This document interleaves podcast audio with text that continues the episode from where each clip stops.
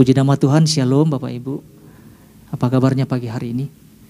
Dahsyat ya. Amin. tetap semangat, tetap bergairah di dalam Tuhan. Terus bersama-sama kita bertumbuh ke arah Kristus. Ya. Hari ini kita akan belajar bersama-sama apa yang menjadi pesan Tuhan di dalam kehidupan setiap kita. Pesannya adalah berjalan karena percaya, bukan karena melihat berjalan karena percaya, bukan karena melihat. Puji Tuhan Bapak Ibu. Tuhan kasih pesan ini kepada setiap kita. Tentunya ada maksud dan tujuan tertentu ketika Tuhan Tuhan memberikan pesan ini kepada setiap kita. Oleh karena kita bersyukur Tuhan sungguh baik di dalam kehidupan setiap kita. Katakan amin Bapak Ibu. Ya.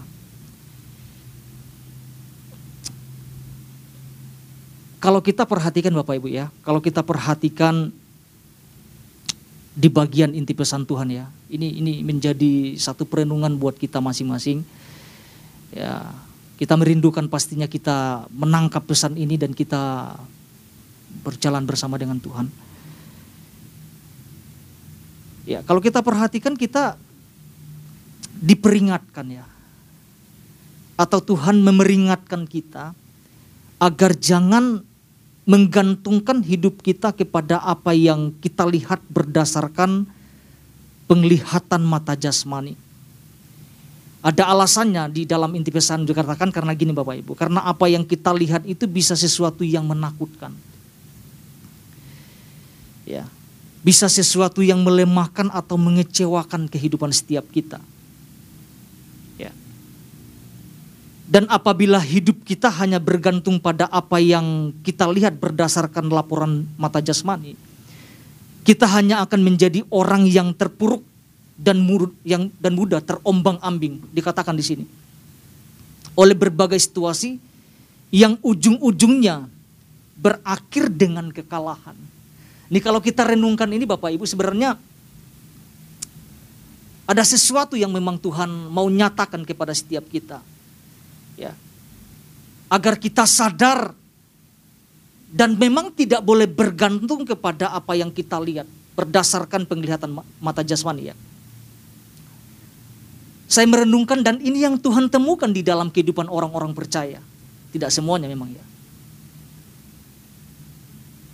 Makanya Tuhan mengingatkan ini, memeringatkan ini kepada setiap kita agar jangan sekali-sekali menggantungkan hidup kita kepada apa yang kita lihat atau apa yang dilihat oleh mata jasmani. Karena ini sangat berbahaya kalau kita bergantung kepada apa yang kita lihat secara mata jasmani.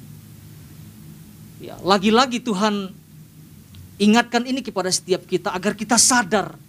Ini peringatan. Bisa juga ini menjadi satu dorongan buat setiap kita jadi kita sama-sama tangkap Bapak Ibu. Saya saya teringat dengan perjalanan kehidupan seorang perempuan pendarahan ya. ya. Berjalan dengan percaya. Ya. Ada iman. Ya, disertai oleh iman yang kuat, oleh iman yang yang yang luar biasa gitu ya. Nah kita mau lihat firman Tuhan Bapak Ibu. Ini yang menjadi dasarnya supaya kita sama-sama renungkan. 2 Korintus pasal 5 ayat 7. 2 Korintus pasal 5 ayat yang ke-7 demikian firman Tuhan. Sebab hidup kami ini adalah hidup karena percaya. Bukan karena melihat. Sekali lagi. Sebab hidup kami ini adalah hidup karena percaya. Bukan karena melihat. Kalau kita perhatikan dalam ayat ini Paulus menyampaikan atau menuliskan sebuah dasar kehidupan yang kuat yang seharusnya dihidupi oleh semua orang-orang percaya. Ya, jelas dikatakan sebab hidup kami ini adalah hidup karena percaya bukan karena melihat. Ya, tentunya pesan ini Paulus kirimkan dengan tujuan untuk mendorong jemaat Tuhan di Korintus. Agar apa? Agar mereka hidup berdasarkan kebenaran Injil yang mereka telah terima dan juga mereka percayai. Bukan berdasarkan apa yang dilihat oleh mata, atau sesuatu yang sifatnya sementara atau sesuatu yang tidak kekal atau sesuatu yang tidak punya dasar yang kuat. Nah, dorongan ini Paulus kirimkan sampaikan kepada jemaat di Korintus agar mereka hidup berdasarkan Injil kebenaran firman Tuhan.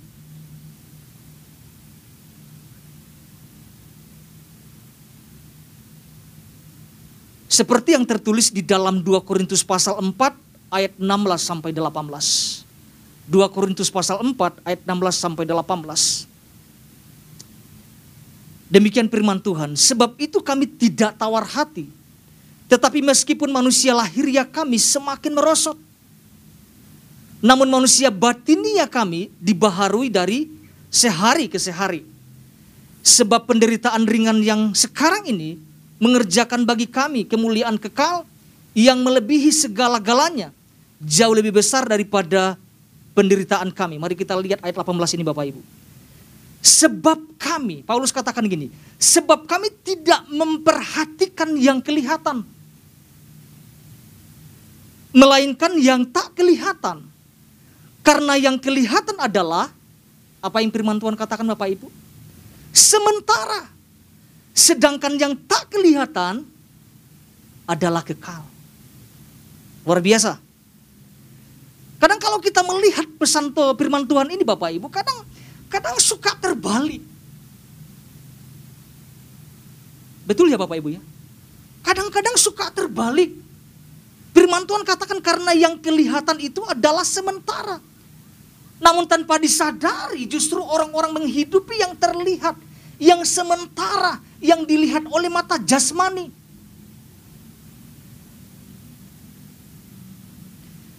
Makanya Tuhan ingatkan melalui pesannya, berjalan karena percaya, bukan karena melihat.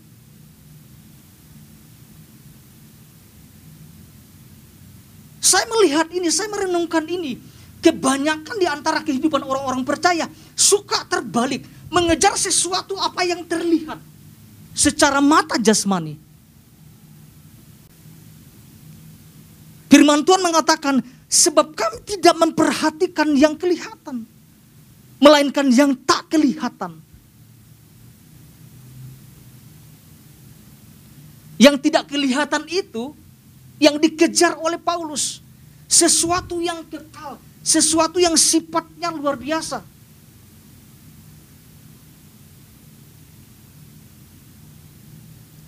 Mari kita renungkan Bapak Ibu. Berjalan karena percaya. Pak Abing sempat singgung kemarin, kelihatannya kayak mudah. Pesan Tuhan terlihat sangat mudah. Tapi prakteknya itu yang susah.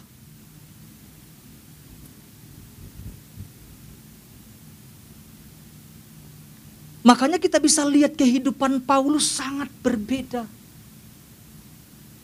Paulus tidak mengejar apa yang dunia kejar. Paulus tidak mengejar sesuatu yang sifatnya sementara, tetapi sifatnya yang kekal. Yang jauh lebih penting, yang tidak bisa dilihat mungkin secara mata jasmani. Tapi hanya bisa dilihat dengan mata rohani yang tajam.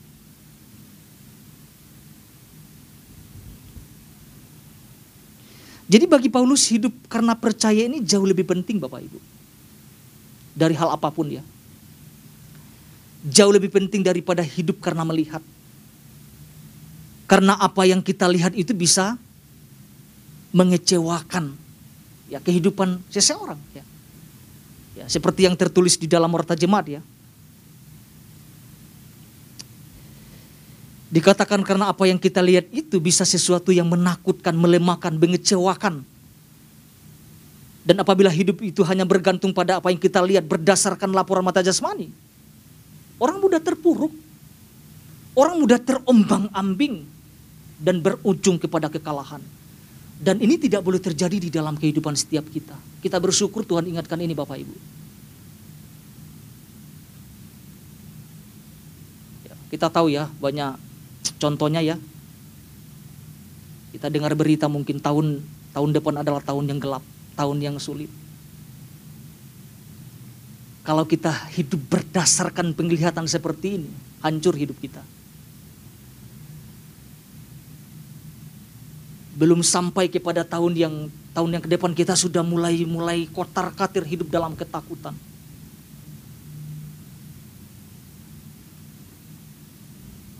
Tetapi kalau kita hidup berdasarkan iman, hidup berdasarkan berjalan karena percaya,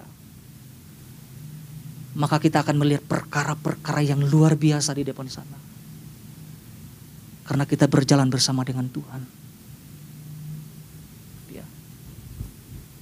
Jadi Tuhan ingatkan jauh-jauh sebelumnya supaya kita betul-betul kembali. Ya. Bapak Ibu, pagi hari ini kita akan belajar bersama-sama satu hal ya. Berkaitan pesan Tuhan dalam minggu ini. Apa yang harus kita lakukan? agar kita bisa memulai perjalanan kita dengan berdasarkan percaya bukan karena melihat. Kita akan belajar dari kehidupan Rasul Paulus. Ini yang saya mau sampaikan. Belajar dan berusaha untuk kembali kepada apa yang menjadi tujuan atau panggilan Tuhan bagi hidup kita. Saya ulangi, belajar dan berusaha untuk kembali kepada apa yang menjadi tujuan atau panggilan Tuhan bagi hidup kita. Yang saya mau tekankan di sini adalah berusaha kembali kepada tujuan Tuhan. Artinya ada ada usaha yang harus kita lakukan terus menerus. Ya. Mungkin selama ini kita menyimpang, mungkin selama ini kita jauh dari tujuan Tuhan. Mungkin selama ini kita tidak berfokus kepada tujuan dan panggilan Tuhan di dalam kehidupan setiap kita. Mari kita lihat firman Tuhan 2 Korintus pasal 5 ayat 7 dan 9.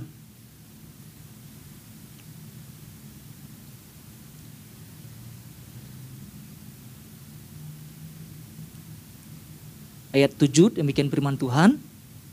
Sebab hidup kami ini adalah hidup karena percaya, bukan karena melihat. Ayat 9. Sebab itu juga kami berusaha Firman Tuhan katakan, sebab itu juga kami berusaha. Baik kami diam di dalam tubuh ini, maupun kami diam di luarnya.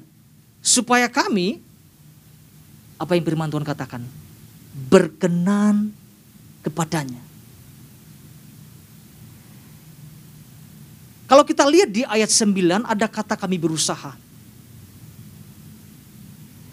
Dalam pengertian lainnya berjeripayah atau berambisi untuk meraih sesuatu yang terpenting.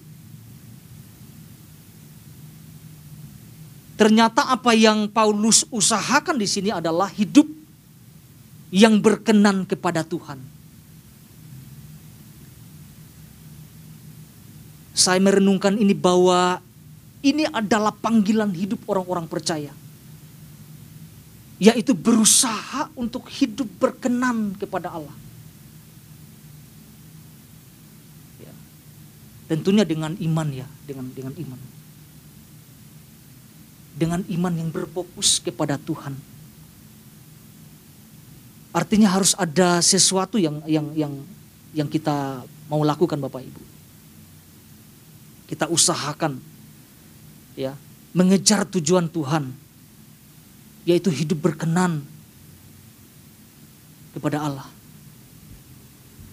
Hidup berkenan itu mengarahkan kepada apa namanya ya? Kepada sebuah tujuan. Karena ini yang Paulus kejar. Bukan hidup apa yang dunia kejar. Tapi hidup berkenan. Menjaga panggilan kehidupan di dalam kehidupan. Panggilan Tuhan di dalam kehidupannya Ya kalau kita melihat tentang latar belakang disampaikan Pak Ishak ya, ada banyak tekanan yang terjadi yang dialami oleh Rasul Paulus. Itu sebenarnya membuat membuat Paulus bisa mundur dengan tekanan-tekanan yang ada di dalam kehidupannya. Tetapi ketika kita melihat bahwa ada fokus yang luar biasa yang tuh yang Paulus kejar di dalam kehidupannya. Yaitu hidup agar dia hidup berkenan kepada Tuhan. Nah ini juga kita harus kejar Bapak Ibu. Di dalam kehidupan setiap kita ya. Jadi kita sama-sama menangkap ini. Berjalan karena percaya. Jadi jangan sampai kita dibelokkan oleh sesuatu yang kita lihat. Ya, membelokkan juga tujuan panggilan hidup kita kepada Tuhan. Ya. Kalau kita perhatikan ada banyak orang-orang percaya mungkin tidak mulai mulai tidak terarahkan bahwa ada panggilan yang besar di dalam kehidupan kita. Bukan sekedar kita lahir dan percaya setelah itu tidak melakukan apa-apa. Ya. Kita bisa lihat perjalanan kehidupan Paulus. Begitu luar biasa Bahkan dalam ayat ini dikatakan bagaimana dia mengejar kehidupan yang berkenan kepada Allah. Ya. Jadi kita sama-sama belajar merenungkan Bapak Ibu ya. Untuk kembali kepada apa yang menjadi tujuan dan panggilan Tuhan di dalam kehidupan setiap kita. Saya sangat terberkati ya dengan contoh yang disampaikan oleh Pak Ishak tentang peristiwa ketika Elisa dikepung oleh pasukan Aram. Saya coba renungkan ini Memang tidak tidak gampang. Ada dua pribadi di situ. Ada Elisa, ada bujangnya ya. ya Elisa bisa melihat sesuatu yang nggak bisa dilihat oleh bujang ini. Ya kan? Dan ketika dia berdoa, ketika bujang ini dibukakan oleh matanya seperti apa yang dilihat oleh Elisa, maka tidak ada ketakutan lagi di dalam kehidupannya. Saya melihat gambaran ini kadang-kadang posisi kita itu seperti kayak bujang yang tidak bisa melihat dengan mata iman. Saya renungkan, saya coba mempelajari ulang iya ya. Makanya penting sekali Tuhan ingatkan ini, pesan ini kepada setiap kita. Karena memang mata jasmani ini sangat terbatas. Tapi ada mata rohani, atau ada mata iman yang tidak terbatas. Ya, mungkin ketika berdoa ada sesuatu yang dibukakan dan melihat ternyata ada bela tentara sorgawi yang jauh lebih banyak, jauh lebih hebat yang menyertai mereka. Saya renungkan itu, saya bilang Tuhan ya, ya terima kasih buat pesan ini bahwa secara pribadi buat saya saya diingatkan. Ya karena memang sangat terbatas Bapak Ibu. Ketika mendengar berita-berita di luar kadang-kadang juga membuat kita takut sebenarnya. Tapi berdasarkan contoh, berdasarkan yang disampaikan Pak Isa kemarin, saya coba merenungkan ini. Saya bilang, iya, iya. Begitu terbatasnya manusia kalau nggak bergantung sama Tuhan. Tapi kita bisa lihat sisi yang lain Elisa melihat dengan mata iman yang luar biasa. Makanya tidak ada ketakutan ketika pasukan Aram mau menyerang. Jadi kita mau belajar bersama-sama. Berjalan dengan dengan iman. Berjalan dengan percaya kepada kepada Tuhan. Saya tidak mau panjang lebarkan Bapak Ibu satu hal ini yang kita mau sama-sama renungkan. Ayo tangkap kembali. Ayo kembali kepada tujuan Tuhan dalam kehidupan setiap kita. Mungkin selama ini kita menjauh Mungkin selama ini kita berpaling, ayo kembali kepada tujuan Tuhan. Karena ada rancangan Tuhan yang hebat, yang dahsyat, yang Tuhan mau nyatakan di dalam kehidupan setiap kita. Tuhan Yesus memberkati kita semua.